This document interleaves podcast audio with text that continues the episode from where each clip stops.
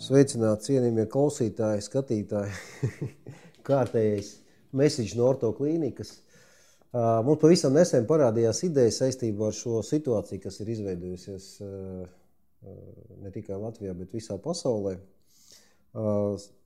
Padalīties ar savām domām ne tikai savā starpā, bet ar saviem kolēģiem, labām paziņām un draugiem, kas strādā par ārstiem citās Eiropas valstīs.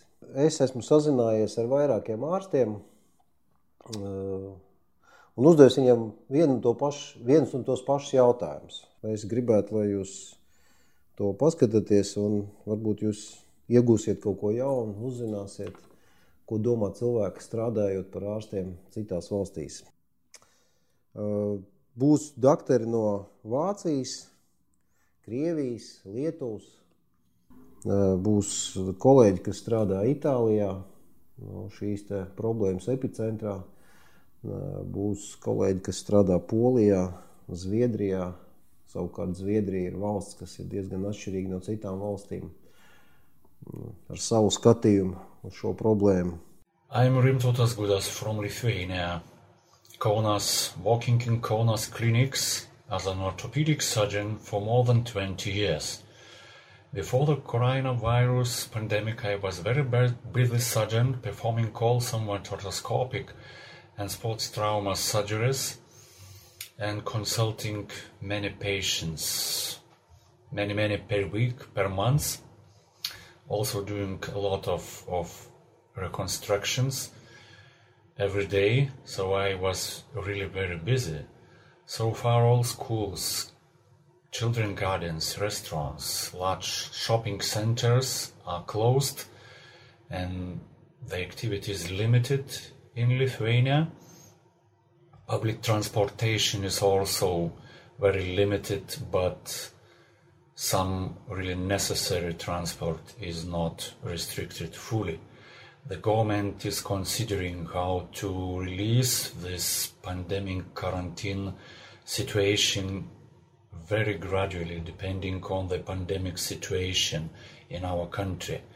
Of course, all people have to wear the masks and the gloves in the public areas and to follow all the rules of the safe public distance and they are really really important and controlled by government so i think this is really important of course, regarding our orthopedic sports trauma surgeries, consultations, they are stopped now in the period of, of quarantine, of course, but we do many tele remote consultations before because the patients still are injured and we have really really long waiting list for these planned operations which were stopped for this period. And this is really really difficult situation. Many of the conditions for those patients are really worsened and they have limitations of joint mobility pain. They calling us. They we try to to give them advice we do video, send them how to solve the situation, but in the most serious situation, of course, this is not sufficient, and we are waiting the time when we have when we we allowed it to to resume our consultations and and of course necessary operations related to to injury of the joints. So our government already considering maybe next week if the pandemic situation will not will not be worsened to release some of the operations step by step. Of course, we are creating the strategy how to to resume them safely. This is not easy, but we are considering many ways how to do our work again safely in re- respect to patients and, and medical staff. Of course, this is not easy, but the life is such that many of our patients cannot wait no more. So we have to find a solution how to perform those pre-planned operations and if they get another injury how to to help them to get medical help in time because in some cases the situations are not allow us to, to wait. So we are optimistic of course and we have to be optimistic and we have to help our patients to be active live without pain and save the joints from degenerative future events, of course. So I hope that soon we will be able to do our usual work and to help our patients. I wish all of you all the same be safe and let's share how the things are going in your country because any information, any experience is really, really important. That not to do mistakes and to do our job safely and to help our patients. Good luck. Take care. Bye. Мое имя Юрис Бруклус, я работаю и живу в Германии, в городе Биберах, в ортопедической клинике частной под именем Нова Клиник. У нас всего 7 врачей, Э, всего медицинского персонала где-то примерно 70 человек. В общей сложности в медицине я работаю где-то 20 лет э, после окончания резидентуры. Э, и в специальности ортопедия и травматология я работаю 10 лет. У нас в клинике четырехдневная рабочая неделя. В моем случае это три амбулаторных приемных дней, где пациенты осматриваются, проводится диагностика, проводятся всякие консервативные мероприятия и один операционный день в неделю. На данный момент не работают ни детские сады, ни школы. В конце апреля будет решаться вопрос по поводу э, возможного открытия школ для старшеклассников, которым в этом году заканчивают школы. Э, ученики младших классов и детские сады, скорее всего, как минимум до конца июня, не будут посещать учреждения а может быть и до конца этого учебного года. На данный момент не работают ни рестораны, ни кафе. Эм, свой заказ можно забрать э, на дом, и также они развозят еду людям на дом. Общественный транспорт. В принципе, намного меньше людей перемещаются. Автобусы, можно сказать, полупустые. В некоторых федеральных землях э, обязательное э, надевание масок э, при переезде. Но так, в принципе, общественный транспорт работает, да. В принципе, все больше людей на улицах и в магазинах, и в других общественных местах видно в масках. Особенно это люди постарше. Они, скажем, в магазинах практически все в масках. Очень многие надевают резиновые перчатки – при входе в магазин надо обязательно брать э, коляску для покупок э, и соблюдать дистанцию полтора метра. В принципе, все больше людей соблюдают э, меры безопасности и эм, говорят, в принципе, о том, что чем больше будут открываться общественные места, то есть э, магазины, э, может быть, в последующем и, и, и кафе и так далее, тем больше придется э, использовать меры предосторожности, то есть надевать маски в общественных местах и так далее. С сегодняшнего дня открыва, открылись все магазины, которые имеют площадь до 800, 800 квадратных метров площадью. Вот. Так что, в принципе, жизнь потихонечку возвращается в нормальное русло, и вот, и потихонечку эти э, запретные мероприятия отменяются. В принципе, уже больше чем месяц э, никаких плановых операций в стационарном порядке нету. То есть большие больницы, они все должны быть готовы на э, принятие вот этих острых пациентов. Также сам не работают реабилитационные клиники. Вот. клиники, как наша, которые не имеют э, такой острой помощи, нету стационарных постелей и мест и интенсивной терапии, в принципе, продолжают работать в нормальном порядке. Э, конечно, соблюдая меры предосторожности. У нас, в принципе, продолжается прием э, в клинике, и в том числе и мы оперируем так же самое. Есть, конечно, определенный, э, скажем, упадок этих общего количества пациентов, но в принципе такая жизнь на таком уровне продолжается.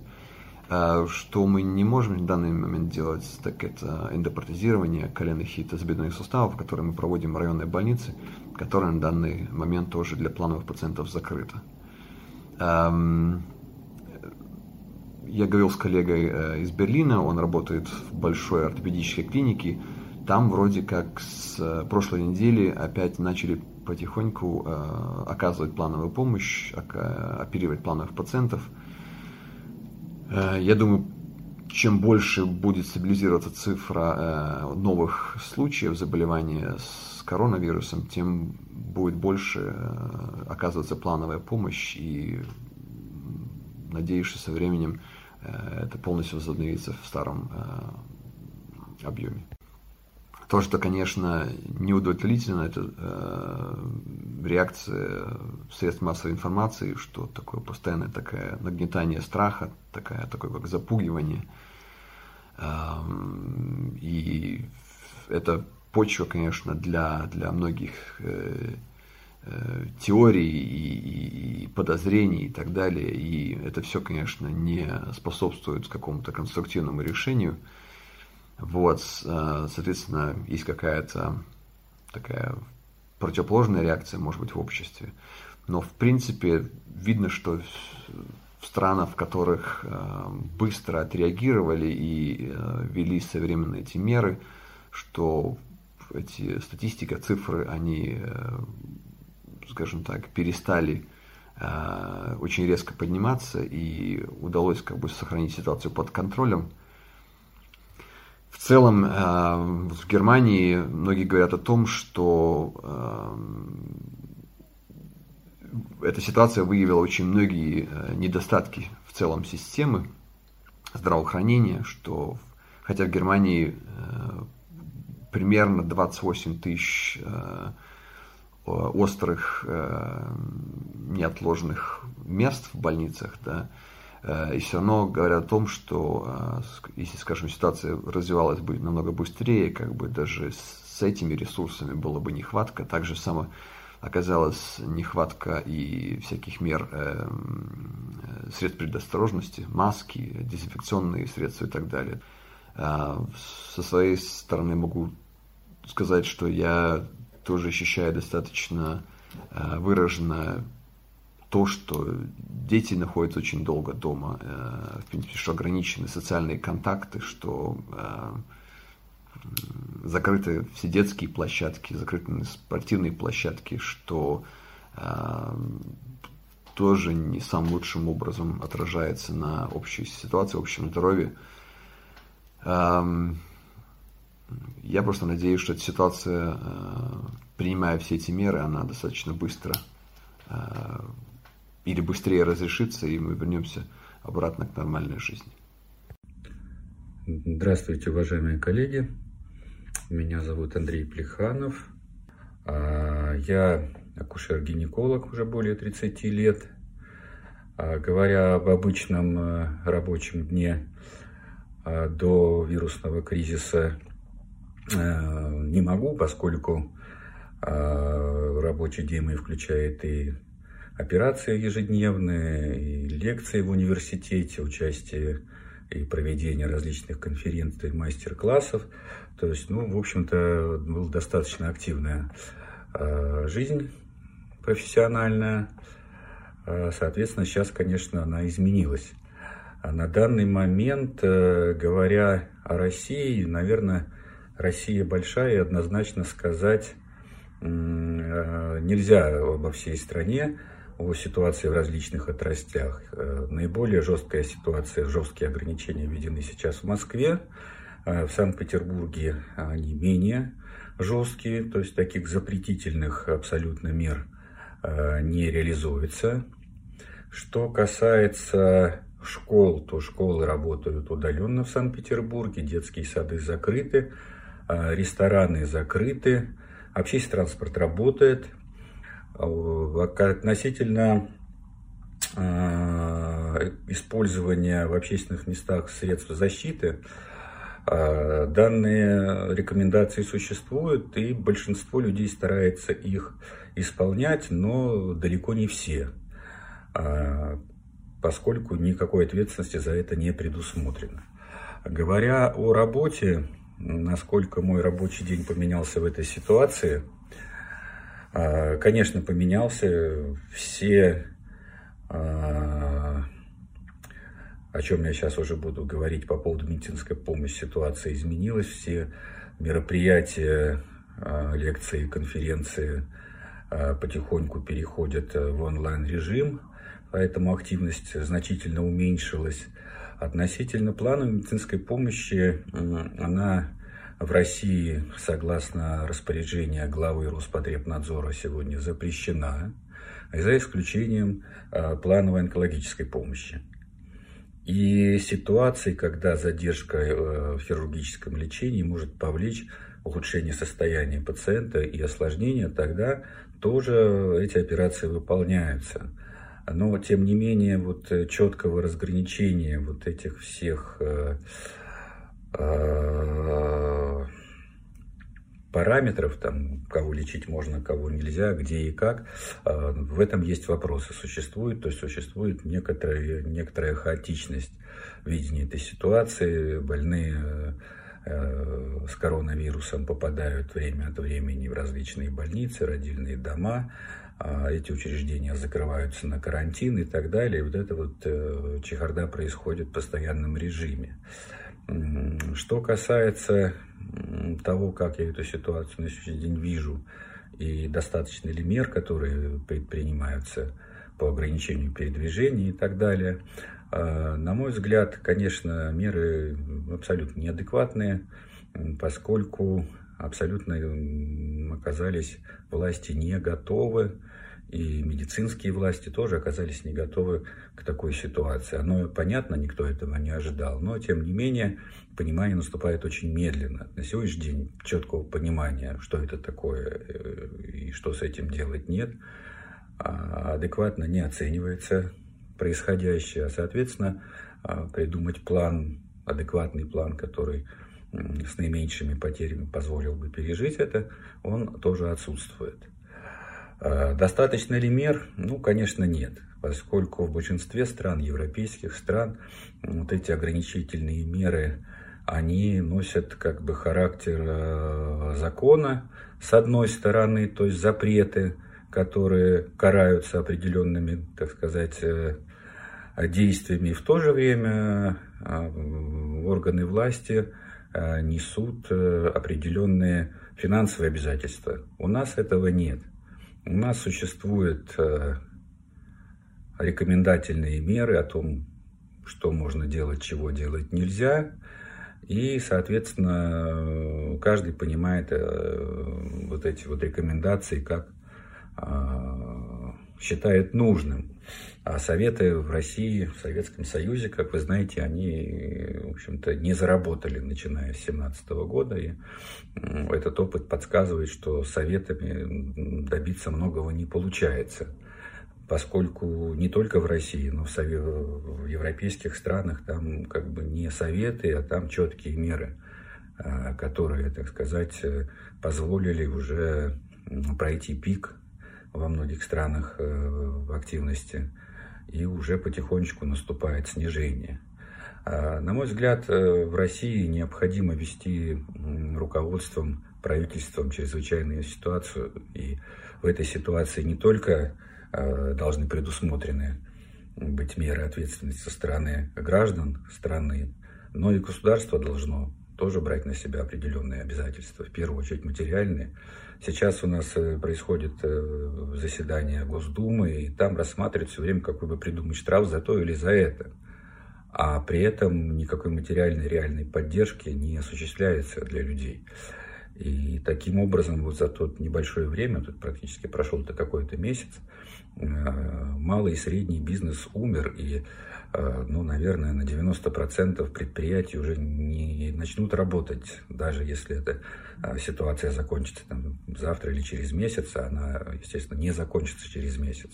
И поэтому большинство людей в такой ситуации, конечно, слышат рекомендации, которые им дают, но главным образом а, они думают, как прокормить свои семьи и себя, а коронавирус их, в принципе, пугает значительно меньше. Спасибо. Э, добрый день.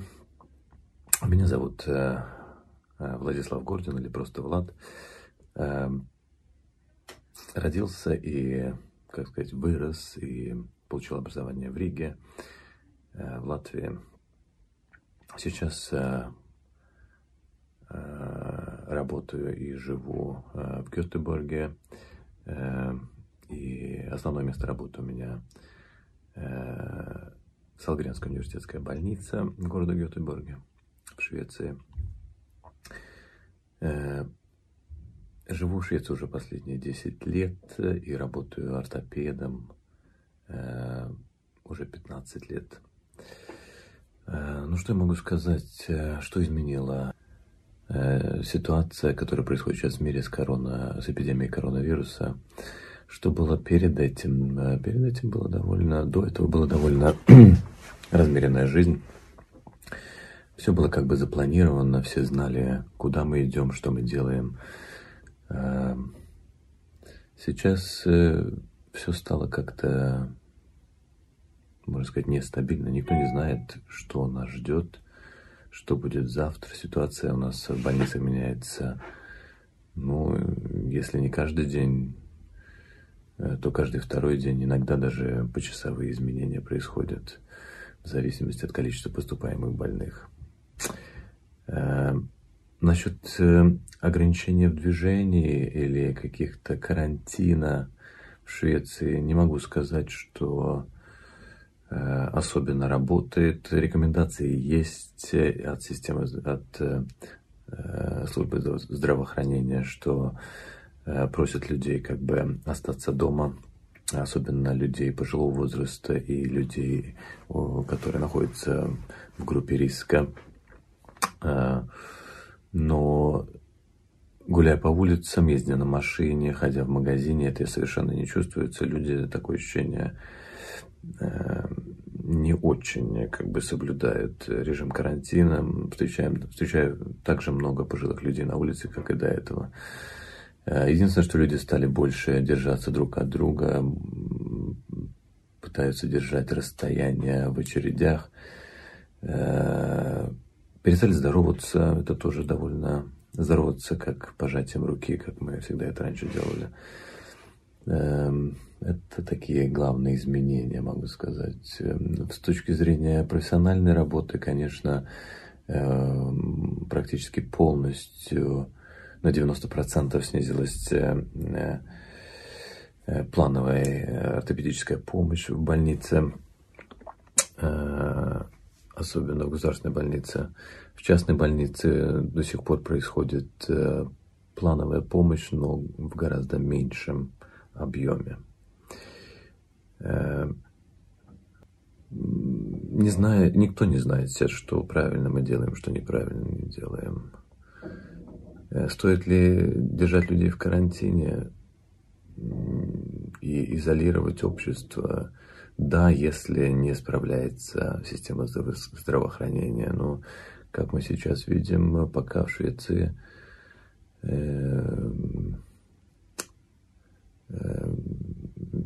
медицина справляется с потоком больных, и поэтому особенно смысла в карантине я не вижу, э, потому что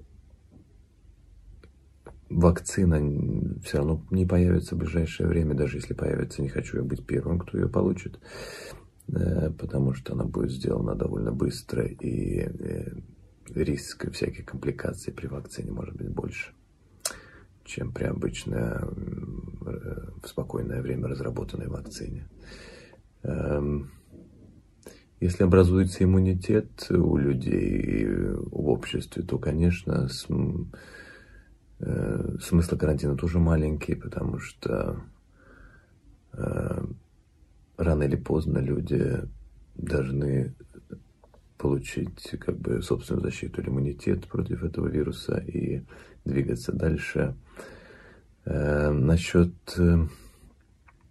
если иммунитет не образуется, что в последнее время тоже дискутируется, то, то карантина тоже особенно смысла нет, и даже нет смысла в вакцине.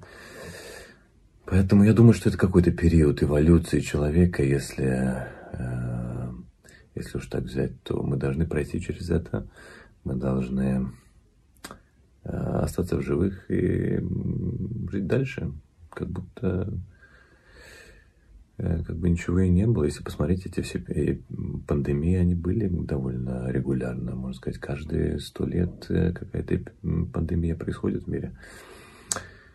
Поэтому я думаю, что надо быть осторожным, мыть руки, э, соблюдать гигиену и смотреть в светлое будущее. Надеемся, что мы скоро забудем об этой проблеме. Всего хорошего вам, ребята. Пока.